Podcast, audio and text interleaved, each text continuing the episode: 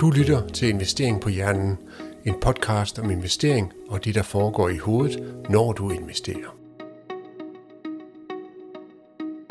Velkommen til Investering på Hjernen. Januar er en måned, hvor mange kommer med forecast på udviklingen for det kommende år. Det kan investorer godt lide, måske fordi de giver en eller anden fornemmelse af tryghed omkring fremtiden. Og I skal ikke snydes, og derfor så har jeg inviteret Jens Scherning tilbage til mikrofonen. Velkommen til, Jens. Jo, tak. Selvom det jo igen er dig, der egentlig sige det, fordi jeg har jo kørt ned til jer. Øhm, men jeg føler mig hjemme, fordi jeg har fået en af mine egne øh, kopper at drikke kaffe af. Jo, så, men du har jo også snart et kaffesæt, jo. Fordi, det har jeg. Ja, jeg glemte at tage en med sidst, så jeg har to med til okay. dig i dag. Så øh, nu kan du invitere mange gæster ja. efterhånden, jo. Du er jo næsten en husven, og det ved jeg godt, det betyder noget andet i nogle kredse. Men, men jeg har alligevel taget en ny øh, kvikrunde med til dig. Ja. Så du skal bare vælge igen. Øl eller vin? Øl.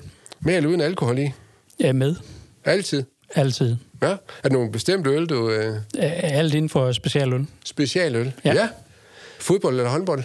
Ja, fodbold. Ja, så får du ikke travlt med at sidde og se øh, den månedlige VM? Jo, det gør vi, men nu skal jeg vælge mellem de to. Ja, okay. Hører ananas hjemme på pizza?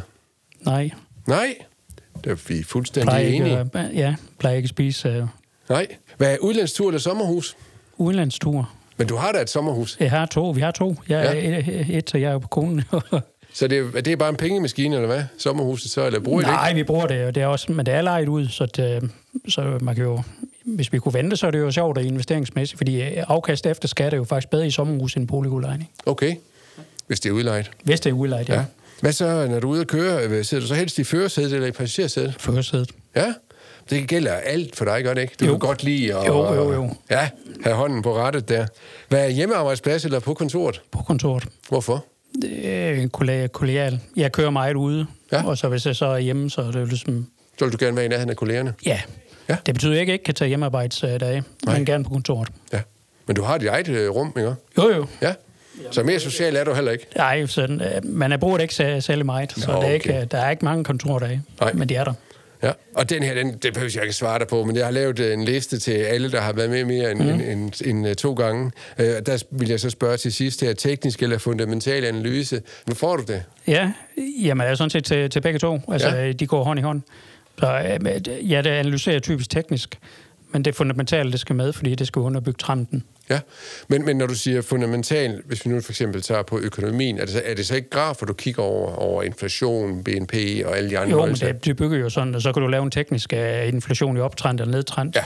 og så bagefter kan du gå ind i det fundamentale, hvor sandsynligt er der, at den kan fortsætte ned, for eksempel, ja. på inflation. Ja. Præcis. Så det er et teknisk analyse, du laver på fundamentale tal. Præcis. Ja. Jamen, øh, så kender vi dig endnu bedre igen. Du arbejder jo her i Agrokura, og I rådgiver omkring konjunkturer, råvarer og investeringer. Primært over for landmænd, men ikke udelukkende, vel? Nej, du kan sige, altså vi er født ud af landbruget, som det indikerer, og, de fleste analyser er også øh, til, til landmænd. Eller det er, finansanalyserne er jo til alle, men øh, råvarerne er jo primært rettet mod, øh, mod landmænd, og følger op mest øh, råvarerisiko til landmænd. Og så er det alt øh, omkring rådgivning hands on i forhold til, til landbruget. Men der er rigtig mange, øh, for eksempel ejendomsselskaber og andre, der køber vores øh, analyser øh, på, på finans. Ja. Og så kan du sige, at vores øh, kapitalforvaltning, som vi kalder porteføljepleje, jo ligesom siger, at øh, der er jo over, over halvdelen er udefra, så, som bruger os til at investere. Ja, hvilket jo bringer mig tilbage til et af de spørgsmål, jeg vil prøve at tage fat i også her på det her område. Fordi jeg har lige haft en anden med i mit studie, og han kalder sig uvildig rådgiver. Mm. Øhm, og øh, det er sådan noget, jeg har gået og tænkt over, findes det overhovedet? Og på jeres hjemmeside, der skriver I Danmarks stærkeste uvildige rådgiver. Men, men er I uvildige, når I nu selv øh, sælger jeres eget investeringsprodukt? Det kan du altid uh, diskutere. Du kan se analysemæssigt, der vil vi jo påstå hårdnakket, at vi er uvildige. Men, men omvendt så driver vi også en, en forretning, og øh, vi fremlægger jo vores produkt. Vi prøver at være landets billigst omkring, øh, i hvert fald på omkostningssiden. Men vi skal jo have, have, have nogle penge ind i forvaltningen, ligesom hvor vi kan drive vores øh, egen forretning. Ja. Så du giver køb på, at det er måske ikke altid helt uvildigt. Mm, det man kan, kan i hvert fald diskutere det. Ja, det kan man, ja. ja. Jo, altså pengepunkten kan faktisk få stor betydning for folk jo, ikke også? Ja. Selvom det er små beløb, så kan man lige pludselig tænke noget helt andet, ja. ikke? Øhm, så det er vigtigt at have øje for det. Du lytter til Investering på Hjernen. Find alle de gamle episoder i din favorit podcast afspiller, eller se mere på investeringpohjernen.dk. Jamen, øh, lad os prøve at snakke lidt om økonomien. Sidst der talte vi en del om inflationen. Det var i øh, juli måned. Mm. Øhm, og øh, der var den jo allerede begyndt at falde, ja. og øh, du mente, at den skulle falde yderligere. Det er også sket. Mm. Du mente også, at renterne skulle i gang med at falde. Ja. Det tog lidt længere tid. Yes. Kan du sige lidt om det? Ja, det kan, det kan jeg sagtens, du kan sige. Altså inflationen, den er, den er der heldigvis øh, kommet rigtig godt ned øh, hele vejen rundt i de lande, der har været høj inflation. Øh, USA var i føretrøjen, men der Europa hentet USA, så vi har lidt lavere inflation. Det kan så være, at det skifter hænder igen her i, øh, her i starten af 24, at USA kommer lidt længere ned som Europa. Begge lande altså kommer, kommer ned, yderligere ned i inflationen.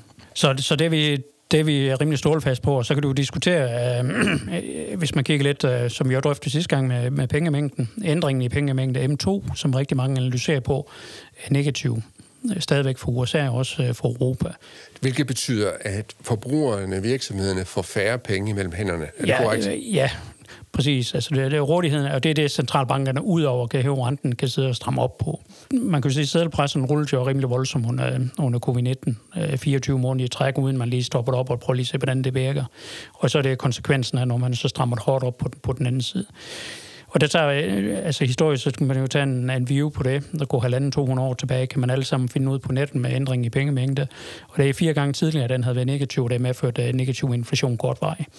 Og det er jo ligesom det, vi synes er rigtig spændende her i 24 øh, som økonom og analytiker. Det er, at specielt her i Europa kunne det godt være i anden halvår, vi kunne opleve en negativ inflation. Du har faktisk allerede set det i Holland, så er dog kommet tilbage, men du har det i Belgien. Danmark har jo også lige vendt tæt på næsten at have negativ inflation. Og der steg inflationen jo i november måned. Ja, ja, og det skal man jo... Hvis vi lige skal tage en detalje på det, så skulle du sige, at basiseffekterne i Europa, de er først lige udløbet. I oktober måned... Hvad betyder vi, basiseffekter? Jamen, det betyder, at vi, vi måler jo inflation af en 12-måneders ændring, og det vil sige, at vi, og toppen lå i, uh, i oktober måned, og når vi er forbi oktober her 23, jamen, så måler vi jo ikke længere op imod toppen. Det kalder man også for basiseffekterne. Det vil sige, så, så er det lidt mere gængs. Øh, du kan sige, så skal råvarer jo falde yderligere, eller lægge sidelæns, i hvert fald som minimum, hvis vi skal yderligere falde inflationen. Og øh, hvis vi kigger på, på den inflation, der kommer her i december, kom i den her uge for, for Europa, og den, der kom i januar, der kunne inflationen godt køre, køre lidt op. Øh, kan råvarer så bare lægge sidelands derfra, så får så vil øh, inflationen stadigvæk øh, falde, og det er det, vi forventede. Og så kan du jo lave nogle simuleringer, det vil sige, at øh, hvis du tager for eksempel morgens inflation, har vi lavet nogen fra plus 0,4 til minus 0,2, det er øh, syv udfaldsrum, og hvis kerneinflation kan holde sig under plus 0,2, så har du faktisk øh, kerneinflation under 2% i Europa i anden kvartal. Og hvis den er endnu lavere kerneinflation på morgens basis, så er den faktisk negativ, altså selve kerneinflation i anden halvår. Og der er det en risiko for at kunne ske i Europa. Og hvad er kerneinflation for noget? Hvad er det, hvad? Der er vi, det er jo den underliggende inflation. Der er du trukket fødevare og energi ud. Så det er man trukket ud simpelthen? Fordi ja, det fordi det, det, fluktuerer, det fluktuerer væsentligt mere. Altså, der er langt mere goddag i, i fødevare og energi, så det trækker man ud for ligesom at have et, et hvad kan jeg kalde med en grundlæggende inflationsmåling af, hvad, hvordan øh, inflationen er i økonomien. Dækker det så over, for eksempel sidste gang, der talte vi om, at uh, servicesektoren ikke rigtig var kommet ned. Uh, det, det er, er den, de begyndt? Ja, det, det er den så nu. Altså, det, det, det er lidt mere, altså, især på, hvis du måler på PMI-tal, uh, du kan sige, at servicesektoren følger jo 60-70 procent af BNP'en, så derfor er det jo, altså hvis man vil have inflation ned, så skal den jo også ned, og, og servicesektoren er jo også kommet under værdien på 50. Mest i Europa, men USA er det også, også under. Så det går træere på servicesektoren. Og det er jo klart, at de, de her rentestigninger tager jo lidt tid, inden de begynder at virke. Og du havde jo også stadigvæk det der fra covid-19, hvor folk ikke umiddelbart ville give køb på deres ferie. Altså, har vi ikke været ude at rejse, så er det skide træls, at renter den kommer op, men altså, det er vi jo nødt til, at vi vil gerne ud at rejse. Omvendt så har vi også fået en masse penge under covid-19, hvor ligesom siger, at det var pumpet ud til forbrugerne. Så vi havde en ekstra buffer, men den er så væk nu. Den er væk nu? Ja. Ja. Hvis vi skal lige snakke om det med, med, med konjunkturerne og så råvarerne, hvis man prøver at kigge lidt på dem, ikke også? Mm. Så øh, har jeg bare taget kig på, på fire, som jeg synes er, er ret interessante at følge, ikke også? Og hvis man kigger på olie og soja, olien har du lige selv snakket om, den fluktuerer meget, ikke også? De to, de, de indikerer jo lidt, at det kommer til at gå nedad. Ja, altså det, olien er jo stadigvæk en af den største energiråvarer, øh, kan du kalde, og det har faktisk været rekord efterspørgsel i september måned. Så kan man jo diskutere den grønne omstilling, men det er, altså, olien, der er den, altså den stiger, efterspørgselen stiger stadigvæk 1%. Men, men de problemer, der har været omkring øh, krigen øh, på det seneste øh, øh, ned ved Hamas og Israel, så er der jo lidt problemer nu åbenbart med lidt øh, skib ned i Suezkanalen, men der kan man jo se, at det går ingen indvirkning på olien længere. Og det betyder, at der er noget træ her i økonomien, det vil sige, at renten går ondt nu, der er ikke helt den efterspørgsel. Det må der være, fordi altså umiddelbart på sådan nogle øh, problemstillinger, så burde den jo nemt øh, fise 5, 10, 20 dollar måske op, men det gør den simpelthen ikke. Så jeg tænker, at olien blev ret kedelig i år, ligger sidelæns. Ja, mit bud er fra 70 til 90 dollar, og det vil jo så gøre, at den, du har jo sådan set en nul ændring i, i olien i forhold, hvis du regner ind i inflationen. Ja. Så det skal ikke falde yderligere øh, nødvendigvis? Jeg ved ikke, om den kan gå under de der 70-72 dollar. Hvis den gør det, så er jo næste punkt øh, 60 dollar. Det kan man ikke udelukke, kan, kan ske afhængig af, hvor hård opbremsning i økonomien bliver.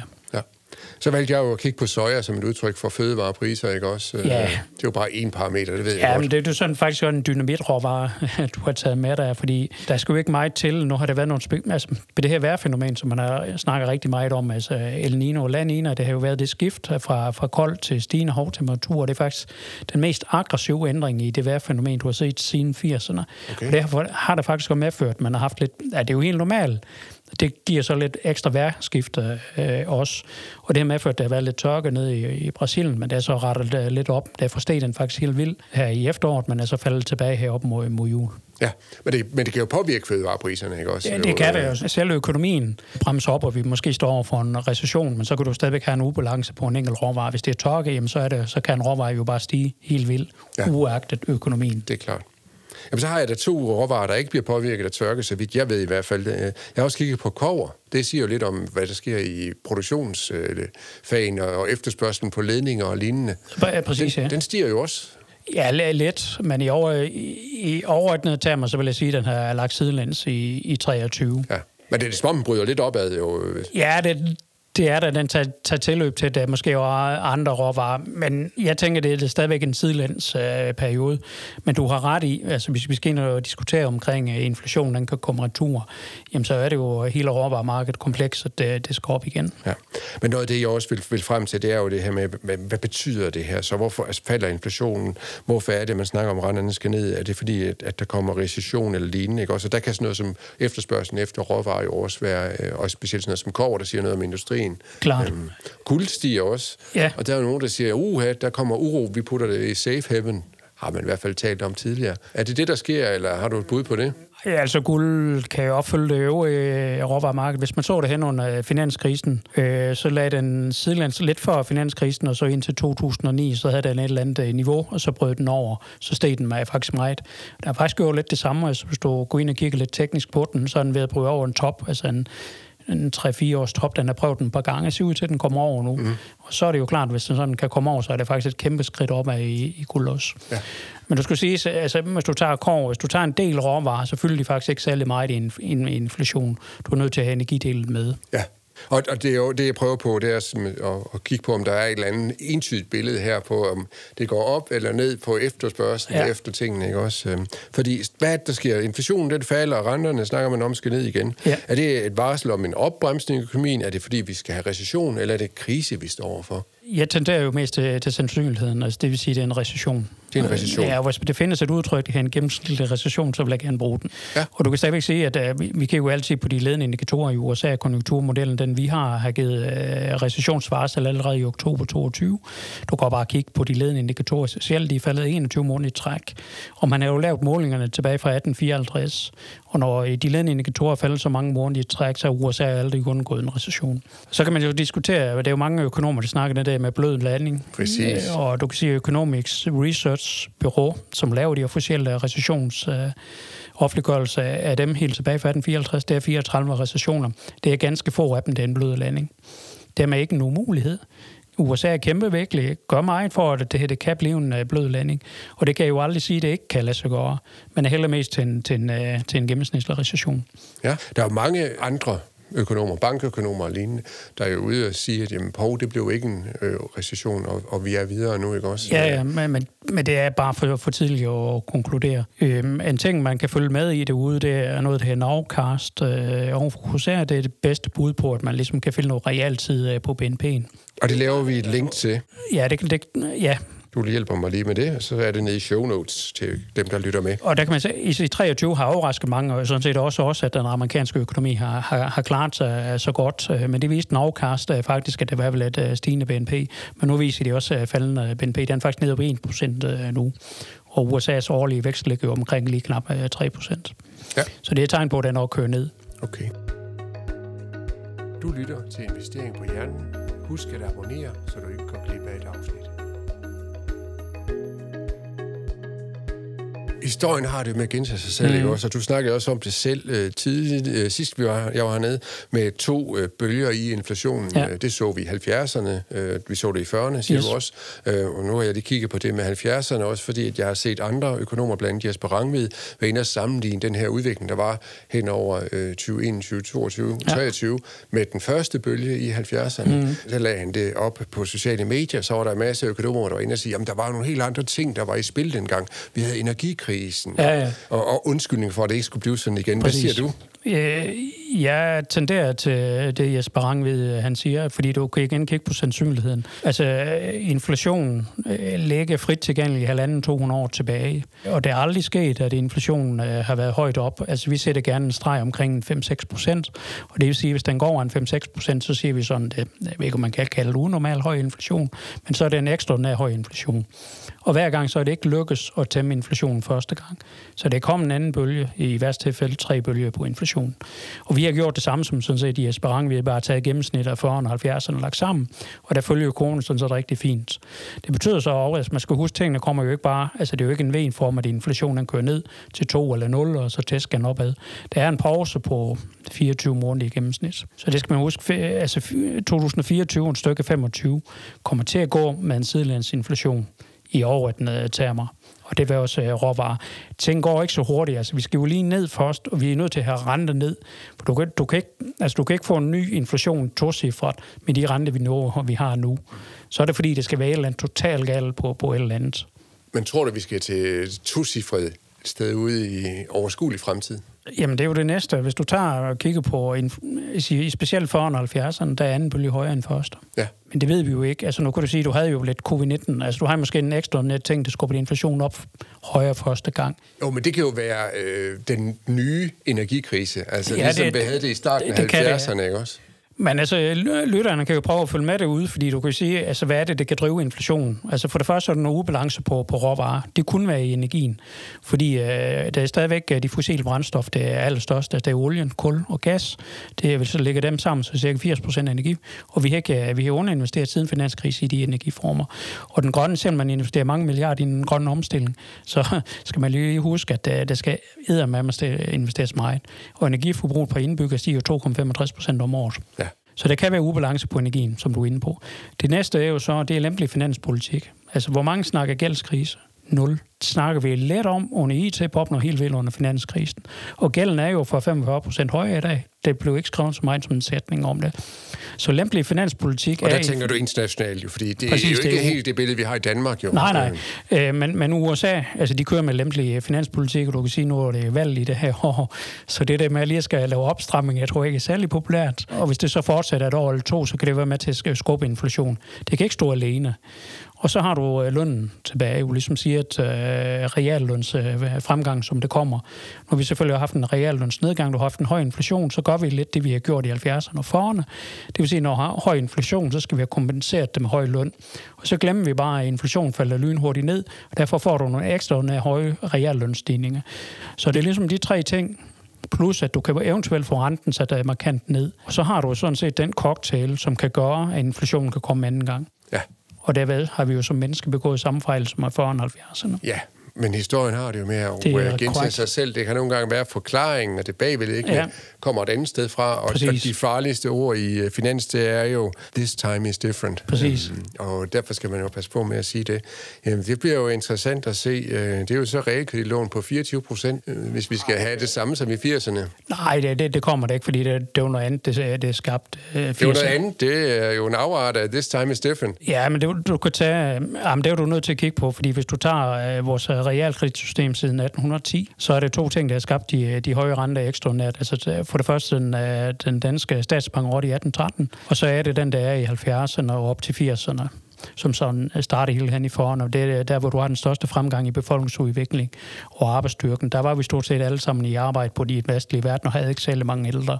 Og det stod på i 30-40 år med 6-8 procent i vækst i over 30 år. Det medførte så øh, de ting. Ja. Og det er, ikke, det er ikke det, du ser nu. Men altså, rente kan godt, altså det kan vi jo lige diskutere, det kommer tilbage nu, så kan du få en ny tur, men du kommer jo ikke op i de niveauer der. Det vil jeg mene, det skal vi have 30 år med, med høj vækst for at kigge indskab. Hvor, hvor, har du nogen idé om, eller bud på, hvor meget renten den øh, skal falde nu? Den er jo på vej nedad, ja. hvis vi kigger på den lange rente. Men det er jo sådan set dig, Jens, øh, det giver mig ideen om det. Ja. Fordi det er jo dig, der handler de lange renter. det er mig, der handler de lange renter? ja, det er det, ja. ja. Jamen, og det er jo den måde, vi ligesom øh, kigger på tingene. Der er to ting, jeg lige kan sige omkring det. For det første, siden 1999, vi fik højere i ECB, så er det den største forskel mellem styringsrenter og, og renter, for eksempel. Hvis du tager den toårige statsrente, i Tyskland op imod ECB, så er den over 2% under. Og der er sådan en forskel, der aldrig nogensinde blev målt. Så det er jo dig, der handler de to år i statsrente, hvis er lidt grov, eller også som mennesker. Ja. Så vi ser jo økonomien handler anderledes uh, som ECB. Uh, de lange renter, jamen det bedste er jo at kigge på den danske uh, statsrente 30-årige. Du går og kigge ned i Tyskland eller andre lande. Ja. Det ligger på omkring 32 i rente lige ja, øjeblikket. præcis. Deromkring. Og siden finanskrise, så har KRB6 ligget 1 af 25 Så 1,25, lad os bare sige 2,25, så er det 1 procent på en KRB6. Ja. Så, øh, så os, der sidder og handler øh, de 30 minutter statsrente, vi siger, at KP6 skal ned på 1%. Og faktisk den måde, vi laver vores prognose på, fordi det er jo mange, når vi viser vores renteprognose, nej, skal vi væk dernede i rente, tror I nu op på det? Jamen, vi tager det jo bare udgangspunkt i, hvordan folk giver handel til andre rente. Det er jo der, vi, vi laver det jo, ikke? Ja. Så, så lige nu der er du enig med, at, at, at der er noget, jeg har set nogle økonomer, der vil at sige, at man skal ikke forvente de store øh, fald i, i de lange renter. At de har korrigeret nok, eller, eller hvordan skal jeg tolke det, du siger nu? Nej, de, de, de har længe ikke øh, korrigeret nok. Okay. Men, men det, er jo, det er jo traditionelt, hvis du analyserer tilbage, at økonomer er jo lidt forsigtige, øh, også i forhold til at forekaste en recession. Og når de ikke gør det, jamen, så har de jo en lidt mere blød holdning uh, til det med rente. Du er nødt til at kigge tilbage historisk set. Altså, hvis, mm, altså Europa vil næsten mene i recession. Fra tredje kvartal til tredje kvartal, der har vi nulvækst. Rent nul. Og hvis man kigger på Norgcast, for eksempel på Tyskland, Frankrig og sådan ting, så viser det, at de kan jeg få en BNP her i fjerde og første kvartal formentlig under 0, jo ikke? Så er vi i recession, så skal, skal renterne jo også øh, nedad. Det vil trække inflationen endnu længere ned. Så derfor, hvis man kigger tilbage, jamen, så er rentefaldet øh, typisk dobbelt så hurtigt som rentestigningerne. Altså, jeg, har afvendt ind og læse, man siger, at altså, det bliver en kvart i nedadgående retning. Altså, hvis vi skal fra 4,5 og lad os sige bare to, ned til to i styringsrenten, og så tager en kvart af gang, så er det lang tid, vi skal rundt i økonomien, før vi kommer derned. Så det, for, det går langt større, så når, når inflationen er på plads, og økonomien viser recession lignende tilstanden i Europa, så er det store skridt, vi tager, ja. og hurtige skridt. Ja. Interessant. Hvad betyder det her så for dem, øh, der har aktier, eller overvejer at købe dem? Ikke? Også hvis man øh, kigger på, hvad der sker lige nu, det er jo, at man tænker, at renten skal ned, mm-hmm. så bliver det godt at eje aktier, og derfor gætter jeg på, at de er steget i løbet af november, december sidste år, ikke også? Ja. Øhm, men, men nogle gange, så når renten skal ned, så er det jo fordi, at der kommer dårligere tider. Præcis, øh, og det er ligesom om, de glemmer det. Men ja, de... hvis, du kigger, altså, hvis du kigger i krisen i 90'erne, IT-bomben, finanskrise og covid-19, jamen, så falder aktierne sammen med rentefaldet. Og det er først de sidste rentenedsættelser, at du får en stabilisering øh, på, på aktierne så kan du sige, er det anderledes den her gang? Nej, det er faktisk ikke anderledes, og så er det dog lidt anderledes. Men man er nødt til at sammenligne med høj inflation. Så du er nødt til at gå tilbage til 70'erne, 40'erne og længere tilbage og sammenligne aktierne med høj inflation. Og der er det en lille smule anderledes, når du har høj inflation. Og det vil sige, at da, der, der inflationen kørt op til de her to så tænker aktien, det er okay, det her det betyder hård opstramning i pengepolitikken og høj rente. Så er det ingen grund til at vente til recession med overregn. Og det skete jo i 22. Det var 25 procent væk i SP500, og så 10 procents inflation for lige rundt af. Så, det, så hvis du solgte dine aktier på værst tidspunkt, så har du tabt 35 procent i købekraft.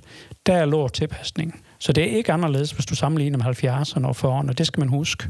Derved så tror jeg dog, at hvis man skal gå lidt mere ind i, i aktier, nu kan du sige, at det er stedet rigtig meget i 23, det kom bag på en del. Men det havde vi så nogenlunde forventet. At det sagde tre... du i hvert fald sidst, ja. vi snakkede sammen, og også i januar måned. Så. Præcis, og øh, at det blev så godt, øh, det kan man jo altid diskutere, det er vi nok ikke helt set komme. Men det er også en slutspurt, der har hjulpet ja, det det. til det, ikke også? Så vi tænker, vi tænker, hvis man kigger på lidt teknik og lidt glidende gennemsnit og så videre, så tænker vi, at 24 starter med lidt tømmemænd. Og det kan komme her i første og anden kvartal, eller måske lad os bare tage første halvår, kommer måske ikke til at se så pænt ud. Og et bud, hvis man skal give et bud, så kan man også bruge lidt teknisk analyse. SP500 500 har et øh, prisgab nede i 4420. Det kunne være et øh, kanonbud. Altså, der skal vi ned og lukke et øh, prishul. Hvis Hvor langt er der ned til det? Det er cirka en 7 procent. Ja. Og i, i aktietermer er det jo ganske normal korrektion øh, på markedet. Ja. Så tænker jeg, altså i og med, at vi har haft tilpasning generelt set på aktiemarkedet i 22, så tænker jeg ligesom, at øh, så bør vi også, når vi kommer ind i anden halvår, der er rentefaldene i gang for centralbankerne, og så begynder optimismen også at komme retur. Så for hele året kan vi sagtens komme ud i det, en fornuftig plus øh, på aktier. Ja. Men dog med lidt tømmemand til at starte på. Vi starter øh, langsomt, måske lidt øh, negativt, Ja. og så øh, henter vi det tabte tilbage igen sidste på år. Det er det, jeg hører, du siger, Præcis. og det er det, jeg bogfører. Ja, og, det må du gerne, Og holder dig op på, Det må du gerne gøre, ja. når vi ses igen. Men, men du kan sige, altså, øh, sidder man derude som lytter, skal man så sælge og genkøbe sådan nogle ting, men du kan sige 8%, det synes jeg er simpelthen for let, fordi det er lige med at ramme top og bund og, og få købt ind, og kommer du hurtigt nok ind og sådan nogle ting. Så jeg vil hellere bruge det til, og hvis man har penge, det skal ind i markedet, så lige vente med at putte pengene ind, til vi ligesom har en korrektion på markedet. Udmærket, det er hermed sendt videre i rådet fra Jens Jerning og Agrokura, og de må, I må gerne komme med råd. I jo, Ja. øh, har jo tilladelse til at komme med den Det må slags. vi gerne, ja. Ja. Du lytter til Investering på Hjernen med Jens Balle. Sidst der talte vi lidt om øh, bankkriser. Øh, Der var et par banker i USA, der, der blev reddet der i løbet af, af, af foråret sidste år. Mm. Der er ikke kommet flere til. Var det det, eller er der nogen på vej? Det, det er et rigtig godt spørgsmål. Du kan jo sige, hvis vi skal have en gennemsnitlig recession, så skal det jo et eller andet, trods alt et eller andet lidt ud af skabet stadigvæk. Øh, om det er lige bil bankerne, det kan jo også være lidt stigning i konkurs. Hvis du kigger lidt på øh, optimismen inden for øh, mindre virksomheder, mindre og mellemstore virksomheder i USA, så er den ikke, øh, den er ikke øh, så god, og det er jo dem, der ligger marginalt i forhold til beskæftigelsen. Det er måske er dem, der er kommet sidste gang som er virksomheder og sådan nogle ting, og det, der tænker jeg sådan lige, det er, måske, det er jo ikke altid fedt at bare sætte og sige, men der er konkursraten kommer til at stige lidt generelt set. Det kommer den til. Ja, men det udløser ikke uh, sådan en lavine uh, bankkrise, ligesom finanskrisen. Det er en boligboble, der skal skabe uh, den kæmpe, kæmpe lavine, ligesom vi så under finanskrisen. Det får vi ikke den her gang. Altså, de kapitalkravsregler har virker, og det gør de også i dag jo. Ja, og det er jo øh, i hvert fald i den vestlige verden næsten et øh, universelt øh, værktøj, man har Præcis, taget i brug. ja. Ja. Og det man gør, det er, det er, at man stiller øh, krav til, øh, at øh, en øh, låntager skal have råd til at eje det, de køber. Øh, og der var der måske lidt øh, konkurrence på kreditvilligheden ja. tilbage inden finanskrisen, og de prøver øh, for eksempel herhjemme, øh, Finanstilsynet, ja. at fjerne ved at lave nogle meget rigide, firkantede regler for, hvornår Og kan blev, de øh, sige ja. Præcis, og det blev endnu mere rigid. Altså, der kommer jo yderligere opstramninger, som er blevet øh, besluttet sidste år. De kommer til at gælde her for sommeren. Ja, men der var der, der sket det, at, at nu er det ikke 5%, man skal vurderes i forhold til, jo, fordi den er, den er jo blevet lukket her Ja. under det sidste rentefald jo. Det hjælper. Ja, øhm, og det er jo meget smart at lave det sådan, at, at det er lidt flydende jo. De her tag på ejendommen, altså nu kigger man også meget på USA generelt omkring økonomien, og, og, og derover er der jo stadigvæk sådan lidt ballade omkring for eksempel de der ejendomsinvesteringsselskaber, de har rights og den slags, hvor der er mange indløsninger og ikke så mange nye, der er interesseret i at købe det. Man har tomme kontorbygninger i meget store byer øh, og sådan nogle ting der. Er det noget, du følger med i og tænker, Ja, at det kan have en stor effekt? Altså, ja, real estate har, har været ramt øh, i USA, men også i Europa. Men det er inden for, for erhverv, nogle dele af erhverv og på kontor. Du kan sige, at boligejendomme øh, er ikke ramt øh, på det vand. De, men øh, hvis man kigger lidt på aktierne på kurserne, på nogle af dem, så er de trods alt ramt, men jeg tror, de er lagt i slæbstrømmen i forhold til, men, men det er stadigvæk rigtig sundt. Og der er, i Europa, der kender måske tallene lidt bedre, der har været store tomgang inden for de kontorejendomme, og øh, store problematik omkring de refinansieringer. øh, Det er jo også til, til høje renter, kan man øh, det. Men at, jeg, jeg tænker, når, altså, hvis vi får ret i vores renteprognose, at vi kommer rimelig hurtigt ned i rente i år, så tænker jeg, at det, det er blevet rigtig meget op, øh, det der. De der restriktioner, der har været i den finansielle sektor, kan det have betydet, at den risiko, den er flyttet andre steder hen? Øh, Der tænker jeg for eksempel på pensionskasser. De øh, har jo så haft mulighed for at gå ud og finansiere både ejendommen, men jo også øh, infrastruktur og lignende. Ja, du kan jo sige, mm, ja, det, det kan du have en lille smule ret i, at øh, afkastet der for en periode inden for de sektorer, du nævner, kan måske være lidt ringere, end man nogen bare lige har regnet med. Men aktier, de skal øh, op. Det bliver lidt træls i starten, men øh, så kommer det senere. Og nu tog vi jo fat på det. Hvad så med ejendomspriserne? Renten skal ned. Det plejer at være godt. Mm, det er det også. Altså du kan sige, at ejendomspriserne er jo ligesom øh, aktiemarkedet i forhold til, til høj inflation. Øh, og der vil vi jo prøve at kigge bare tilbage og sætte en streg ved 6 procent, og der er syv tilfælde øh, 90 år tilbage. med, når inflationen går over 6 procent, fem gange der falder ejendomspriserne ikke gang i nominelle termer. De falder så realt man skal man lige huske. Øh, og to af gangene, der, der falder ejendomspriserne, imens inflationen kører op, men så når inflationen kører ned, så er ejendomspriserne hurtigt tilbage. Og det, det har vi også set i Danmark den her gang. Altså det, det jeg minder meget om de to gange. Så i 22 der er ejendomsprisen ja, 4, 6, 8 procent øh, faldet i, og kommet nogenlunde igen i 23. Og, det er jo klart, at når renter kommer ned, så kommer ejendomspriserne også. Og når du siger ejendom, mener du så ejendom generelt, eller er det boligejendom, du primært kigger på? Nej, det er sådan set generelt. Altså hele ejendomsmarkedet øh, følger jo nogenlunde hinanden. Du kan købe alt fast ejendom i Danmark og lege det ud, og der vil have en investeringscase på det. Så det skal nogenlunde øh, følges ad. Men noget af det har du jo lidt større risiko på, øh, for eksempel en udlejning af industriejendommen. Ja, det, det er jo klart, at du skal afkaste det op, hvad det er tilsvarende større ja. i forhold. Det er der også jo. Og med et risiko for en recession, så bør det jo så være endnu større. Men det har ikke påvirket priserne som sådan. Nej, det er jo det, jeg siger. Ligesom aktierne har, har taget sit skrald i 22, så ejendomsmarkedet har taget sit skrald.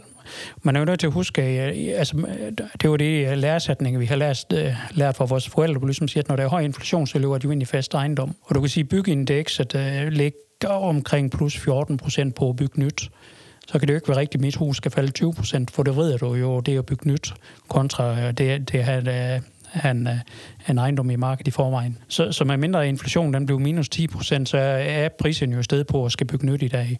Hvad viser byggeindekset? Det viser jo... Ja, det, det, det, det falder selvfølgelig nu, at uh, nu går det lidt i... Altså yderligere prisstigning på byggeri er der jo ikke nok.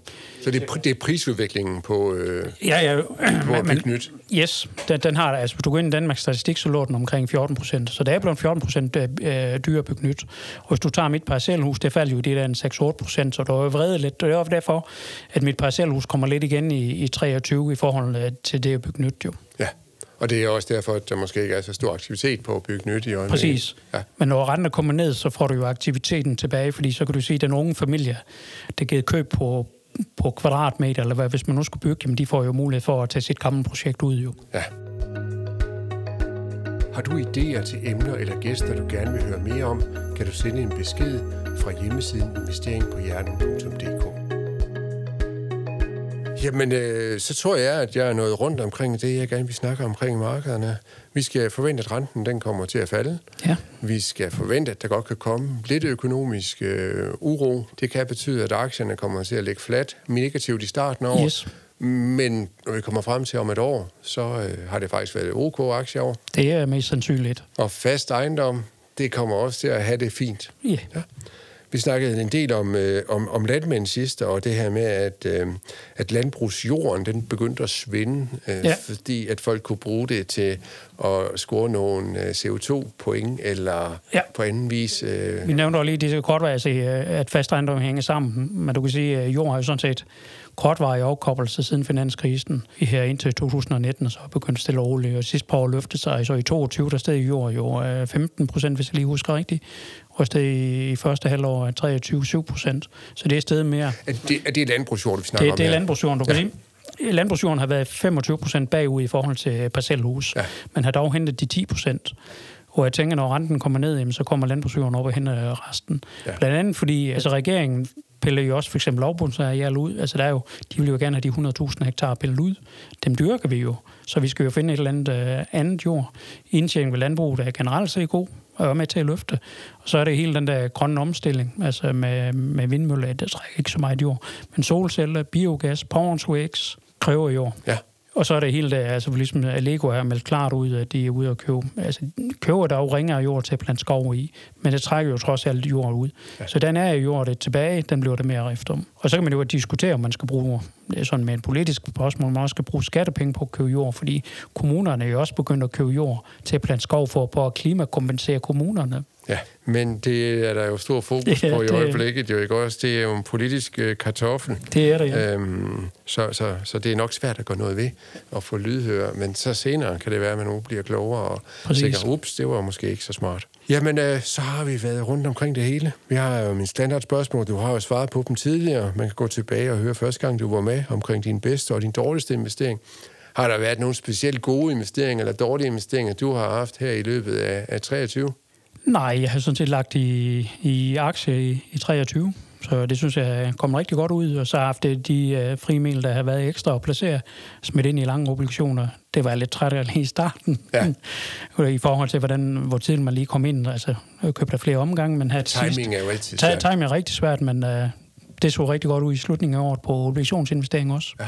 Hvad så øh, siden, øh, siden sidst? Har du læst en god bog om investering, så, eller noget andet omkring det emne, som du kunne anbefale? Nej, der har det, ikke været noget nyt? Jo, jeg læser, jeg læser bøger, men altså, det, det er lidt mere inden omkring øh, teknologisk øh, udvikling og sådan noget ting. Okay. Øh, meget øh, omkring for eksempel øh, aldring af mennesker. Altså, altså, du kan sige, ja, noget af det hele det der er i øh. Man kigger meget på IT, øh, man kigger rigtig meget på energien, men øh, jeg synes, man overser hele biokemien. Og der læser jeg lidt øh, omkring, hvad det sker der. Man forsker rigtig meget i aldring, og det ser ud til, at man måske i fremtiden kan knække det. Så knækker du alt. Øh, det vil sige, kraft kommer du til at knække. Gen, øh, transporteret organer og sådan nogle ting kommer også i fremtiden. Man regner jo med, inden for 10-15 år, der har du en kraftvaccine. Så stærkt går det teknologisk. Og det er jo noget overset, må man sige, i øjeblikket. Jo, men 10-15 år også lang tid ude i, i fremtiden. Det er der jo, men, men du kan sige, at den teknologiske udvikling, man kører jo meget, det kender du måske Mors lov, at innovationen den fordobler sig hver anden år. Altså det er jo sådan en tidssætte af 2, 4, 8, 16, 32. Mm. Men siden 2015, der skulle vi have været op på 16 fordobling af innovation, men vi var faktisk på 26. Så det sker rigtig meget, så innovationen går rigtig stærkt. Ja, interessant.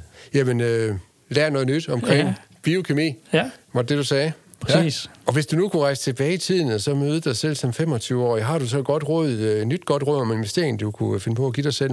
Det kunne jo for eksempel, nu driller jeg dig lidt, øh, være et råd om at øh, ikke at være for tidligt ude med forecast omkring rentefald. Fordi øh, du var tidligt ude, øh, da inflationen steg og sagde, at den kommer snart ned igen. Ja, men det er jo som du er selv inde på det med, med timing, og, og det er det rigtig svært, men øh, hvis man bare holder de lange briller på, så, så kommer det til nogenlunde at holde stik. Ja. Og du kan sige, mm, jamen, hvis man skulle gå tilbage som 25 altså for mig så handler det ikke om at gå i panik. Og det er der utrolig mange, der gør. Ja. Det, der sker lige nu, det bliver man påvirket af. Præcis. Og øh, nu har jeg selv lige læst en god bog af, af Morgan Housel, der har skrevet en bog, der hedder uh, Same as Ever, som handler om, at nogle ting bliver bare ved med at være, som de har været mm. hele tiden, selvom der sker ændringer. Ikke også? Ja. Og vi har så stor fokus på det nye, der kommer, mm. og glemmer det gamle, og hvor vigtigt det egentlig også var. Øhm, og der tænker jeg ikke på Kodak, at det skulle have levet videre, for det er slet ikke noget med det at gøre. Men det her med, at vi sidder og kigger på markedet og siger, uh, der sker en hel masse. Og ved I hvad? Når vi kommer om et år, og der er nogen, der spørger, hvad skete der i januar måned, så er der meget af det, vi ikke kan huske. Ja. Selvfølgelig kan vi huske de store nedslag. Der var en krig, der startede et sted, og så videre. Men, men rigtig meget af det glemmer vi over tid. Og, og det er jo interessant, fordi det er jo det, det handler om med de lange briller. Det er jo at huske på det vigtigste. Præcis. Men vi bliver påvirket af det, det Det, det gør vi, ja. ja. Jamen, uh, tusind tak for snakken igen, Jens. Som sagt, så har jeg uh, to nye kopper med til dig, og uh, tak skal du have. så håber jeg, at vi uh, ses igen. Jo. Du har lyttet til Investeringen på Hjernen med Jens Balle. Har du idéer til emner eller gæster, du gerne vil høre mere om, kan du sende en mail til info eller sende en besked fra hjemmesiden investeringpohjernen.dk.